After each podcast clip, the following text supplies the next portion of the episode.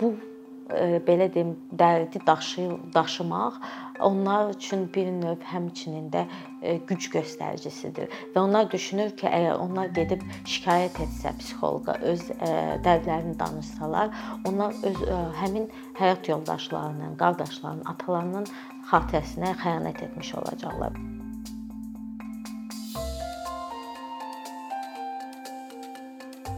Müharibənin ə, psixoloji vəziyyətə təsiri ə, qədim zamanlardan öyrənilir və xüsusilə də ə, 1-ci və 2-ci dünya müharibələri zamanı bu məsələyə çox ciddi diqqət ayrılıb. Mən ə, 2020-ci ildə ə, 2-ci Qarabağ müharibəsi baş verdikdə baxmayaraq ki, Azərbaycanda değildim və birbaşa ailə üzvlərimdən heç kəs müharibədə iştirak etmirdi. Bu müharibə mənə belə ə, çox ə, dərin bir travma buraxmışdı ki, mən hələ də onun gərginliyini bu gün belə hələ də yaşamaqdayam.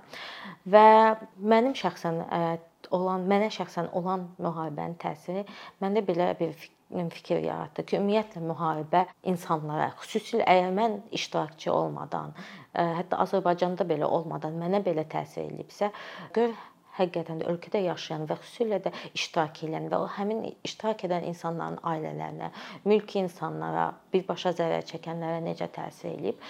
Və bu fikirlə irəli çıxaraq qərara gəldim ki, bu məsələni biraz araşdırım.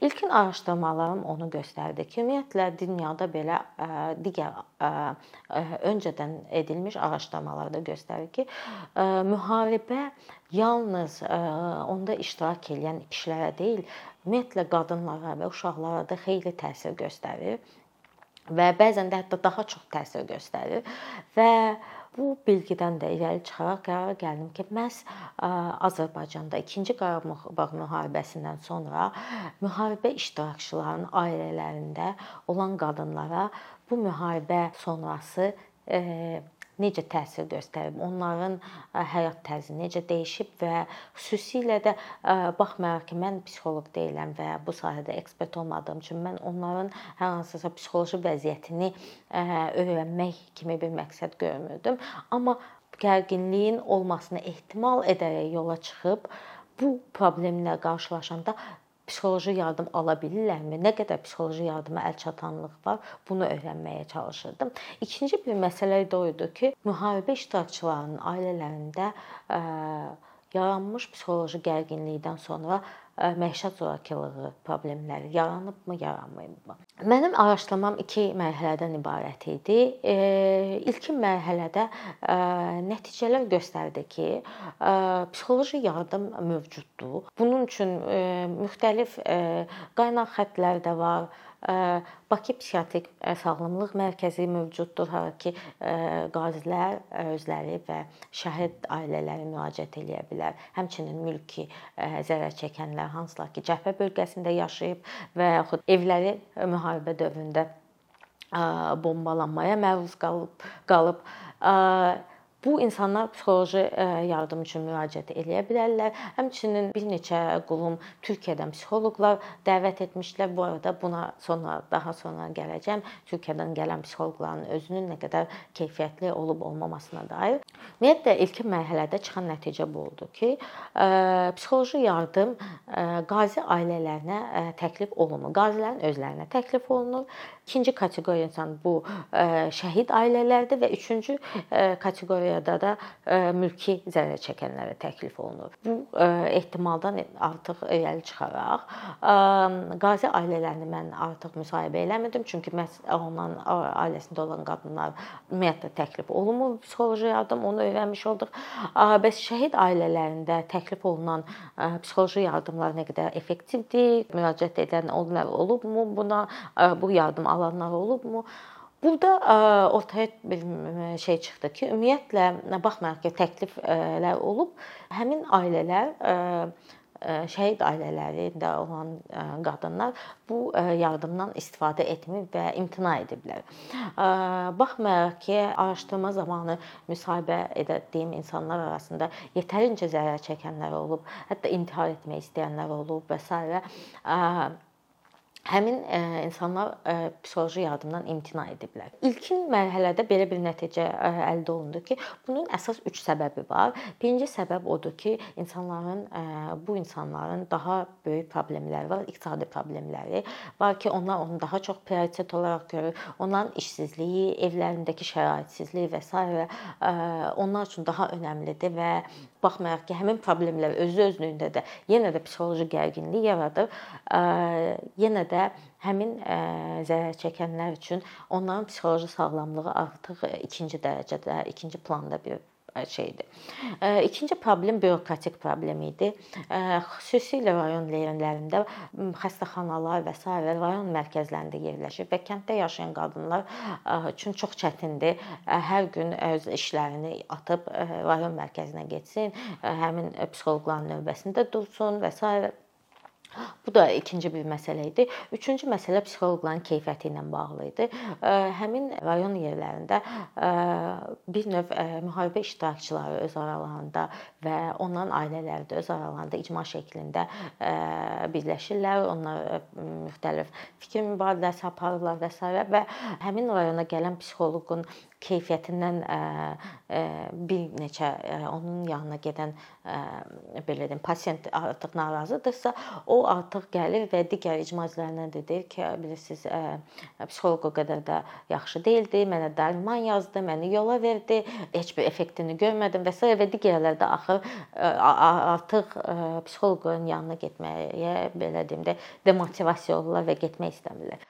Araşdırmanın ikinci mərhələsində e, məlum oldu ki, əslində bu üç problemlə yanaşı daha mühüm bir problem var, hansına görə ki, məhz insanlar psixoloji yardımdan imtina edir və bu problem də sırf da e, mədəni məsələlərlə bağlıdır, daha çox e, stereotiplərlə bağlıdır. İnsanlarda ümumiyyətlə psixi psixoloji sağlamlıq barədə məlumat çox azdır və həmçinin psixoloji yardım almağa dair də belə bir tabu var və onlar e, bir çox zaman özlərini sığışdırmır ki, gedib e, öz e,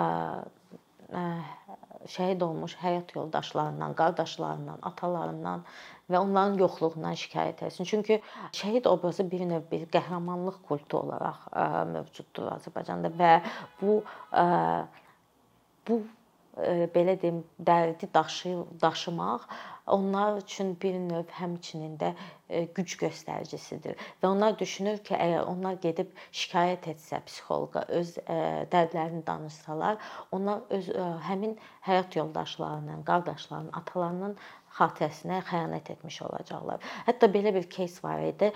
Həmin qadın həm özünün, həm anasının psixoloji vəziyyətindən danışırdı ki, çox bu dəqiqə gərgindilər, hələ də yas saxlayırlar, üstündən bir il keçməyin, bir ildən çox keçməyinə rəğmən o hətta deyirdi ki, yəni onların anası fizikən, yəni on mövcuddur. Yəni o qədər pis vəziyyətdədir psixoloji olaraq Lakin mən soruşanda ki, niyə onlar imtina edib psixoloji yardım almaqdan, qadın dedi ki, mənim qardaşım sağ ikən bizim evdə hansı qayda qanunu qoyubsa, biz də o qayda qanundan yaşayırıq. Biz onun sözündən çıxa bilmərik. Yəni o şəhid olandan sonra belə biz onun dedikləri ilə, onun qoyduğu qaydalarla yaşayırıq. Və psixoloqa getmək bir növ həm lüks, həm bir şey özlərinə yaraşdırmayan, bunu etmək üçün özlərini layiq görməyən, bəzi hallarda utanc verici, bir də mənim haqqımda nə deyərlər. Bəzi hallarda isə xəyanət kimi gedib şikayət etmək, xəyanət kimi başa düşülür və bu səbəbdən baxmayaraq ki, psixoloji yardım, yəni pis yaxşı ideal bir vəziyyətdə olmasa belə mövcuddur. Onu insanlar zərər çəkənlər ondan faydalanmır. Bu əslində qazilərin özünə də aiddir. Qazilər özləri də biz gördük ki, müharibə sonrası nə qədər intiharlar baş verdi. Qazilərin özlərində də belə bir stereotip var ki, onlar o qəhrəmanlıq kultunun üstündən keçə bilməz, onlar gedib şikayətlənə bilməz, onlar müharibə iştirakçısıdır, onlar güclü olmalıdır. Bu da başqa bir problem yaradır.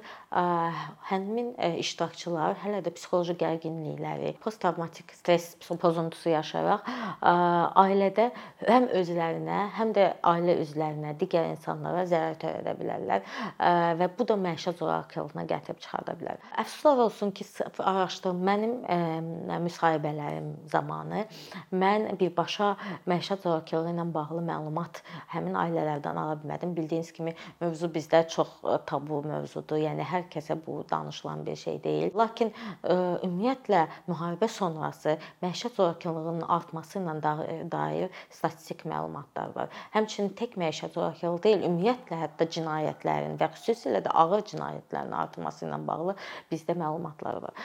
Və ekspertlərin dediyinə görə də hətta boşanmalar belə sırf qazi ailələrində artıb və qazilər məişət zorakılığı halları qazi ailələrində hələ də baş verməkdə davam eləyir və bəzən onlar özləri psixoloqa ümumiyyətlə getmədiyi üçün bəzən onların həyat yoldaşları müraciət edir ki, onlar psixoloji dəstək alsınlar. Bəzən isə bu elə belə də davam edir. Ümumiyyətlə belə nəticələr göstərdi ki, yəni təbii ki, məişət zorakılığı daima mövcud olub, amma sırf həmçinin də müharibədən dolayı və müharibədə iştirak edən insanların psixoloji vəziyyətinin gərginliyindən də dolayı ə, məişət zorakılığı artıb və buna dair ə, bu çox əhəmiylidir ki, ə, ən azından posttravmatik stress pozuntusu yaşayan insanların psixoloji yardım alması mütləq olsun. Çünki bu PTSP-dən əziyyət çəkən insanlar həm özlərinə, həm də ətrafdakı insanlara zərər yetirir və bu onlardan asılı olan bir şeydir. Lakin araşdırmalar göstərir ki, bu həm də müalicə olunan bir şeydir və insanlar psixoloqa gedib müalicə alıb öz normal sağlam həyatlarına qayıda bilərlər. Bunun üçün çox əhəmilidir ki, yəni bu insanları, həm qazilərin özlərini, həm onların ailələrinə mütləq şəkildə, həmçinin onların ailələrində psixoloji yardım göstərilməlidir. Yəni Bu çünki artıq PTSP ilə dönmüş qazilər bu problemi yalnız özləri daşımır. Dediyim kimi o problem artıq bütün ailə üzvlərinə yəni ən minimum dediyirəm, ən heç olmasa evin içində ailə üzvlərinə də təsir göstərir. İkinci məsələ həm şəhid ailələr, yəni bu şəhid ailələr sadəcə aha sizə psixoloq lazımdır, belə bir ə, bizim ə, təklifimiz var yox lazımdırsa, sağ olun, belə bitməməlidir. Ümumiyyətlə digər problemlər də aradan qaldırılmalıdır. Təbii ki, bunun bürokratik problemlər aradan qaldırılmalıdır. Psixoloqların keyfiyyəti artırılmalıdır. Çünki düzdür, bu bir növ həm də uzun müddətli bir işlər görməyə məcbur edir dövləti. Çünki bir çox hallarda hətta Türkiyədən bayaq da dediyim kimi Türkiyədən gələn psixoloqlar yetərincə Azərbaycan dilini bilmədikləri üçün ümumiyyətlə psixoloqların özlərinin də dediyinə görə bu seanslar ana dilində olmalıdır insanlar üçün. Ona görə Türkiyədən gələn psixoloqlarla öz yerli psixoloqlarımızın bir növ əvəz eləməyə çalışmaq bu problemin həlli deyil. Ona görə həqiqətən də Azərbaycan özündə psixoloqların keyfiyyəti artırılmalıdır və bu sadəcə müxtəlif təlimlər keçirilir həmin psixoloqlar üçün və s. bunu bunu bilirik, amma Bu sadəcə bir neçə təlimlə həll olunan bir şey deyil. Bu ümumiyyətlə təhsil sistemində hər bir sahədə olduğu kimi psixoloqların hazırlanması da sırf təhsil sistemində daha gücləndirilməlidir. Digər məsələ sosial işçilərdir. Dövlət mütləq şəkildə sosial işçilərlə işləməlidir. Çünki mən bu çox aydındır ki, dövlətin şəxsən öz resursları yoxdur ki, bütün müharibə iştirakçıları ailələrini müşahidə eləsin, daim olaraq kontrol eləsin. Bu ümumiyyətlə mümkünsüzdür. Ona görə sosial işçilər ailənin işə cəlb olunması və həmin ailələri daima müşahidə eləməsi, daima hər hansısa bir problem yarananda onlarla əlaqəyə keçib onları yönəldə bilməsi çox əhəmiylidir. Çünki bilirsiniz, ilk ilk müharibədən qayıdan kimi, aha sizə nəsə probleminiz var, sizə psixoloq lazımdır. Yoxsa bununla iş bitməməlidir. Yəni bu normaldır. Çünki bu problemlər bir müharibədən səhərsi bitəndən sonra səhərsi yaranmır. Bu problemlər getdikcə aylar ərzində, illər ərzində ailələrdə yaranan bir problemlərdir ki, bu ailələri daima müşahidə eləmək, onlar bir növ qırmızı bayraqlar təyin eləmək ki, bu bu bu məsələlər tutalım ortaya çıxanda mütləq şəkildə onları psixoloqa yönəltmək, ora müdaxilə eləmək lazımdır. Ümumiyyətlə dövlətin psixoloji yardımla, psixoloji dəstəklə bağlı propagandası olmalıdır. Çünki necə ki dövlət çıxır danışır və necə ki fiziki, fizioloji olaraq hər hansısa xəstəlik yarananda insanlar başa düşür ki, getməlidir, müalicə almalıdır. İnsanlar həm də başa düşməlidir ki, psixoloji sağlamlıq da ən azı fiziki sağlamlıq qədər önəmli bir şeydir və bu sırf dövlət tərəfindən media vasitələrlə, digər vətəndaş cəmiyyəti üzvləri ilə bir yerdə işləyərək və s. bu işlər görülməlidir ki, bu tabuları aradan qaldırsın. İnsanlara həmin bürokratik olaraq psixoloqların çatan əl çatanlığını daha da yaxşı, daha da asanlaşdırsın.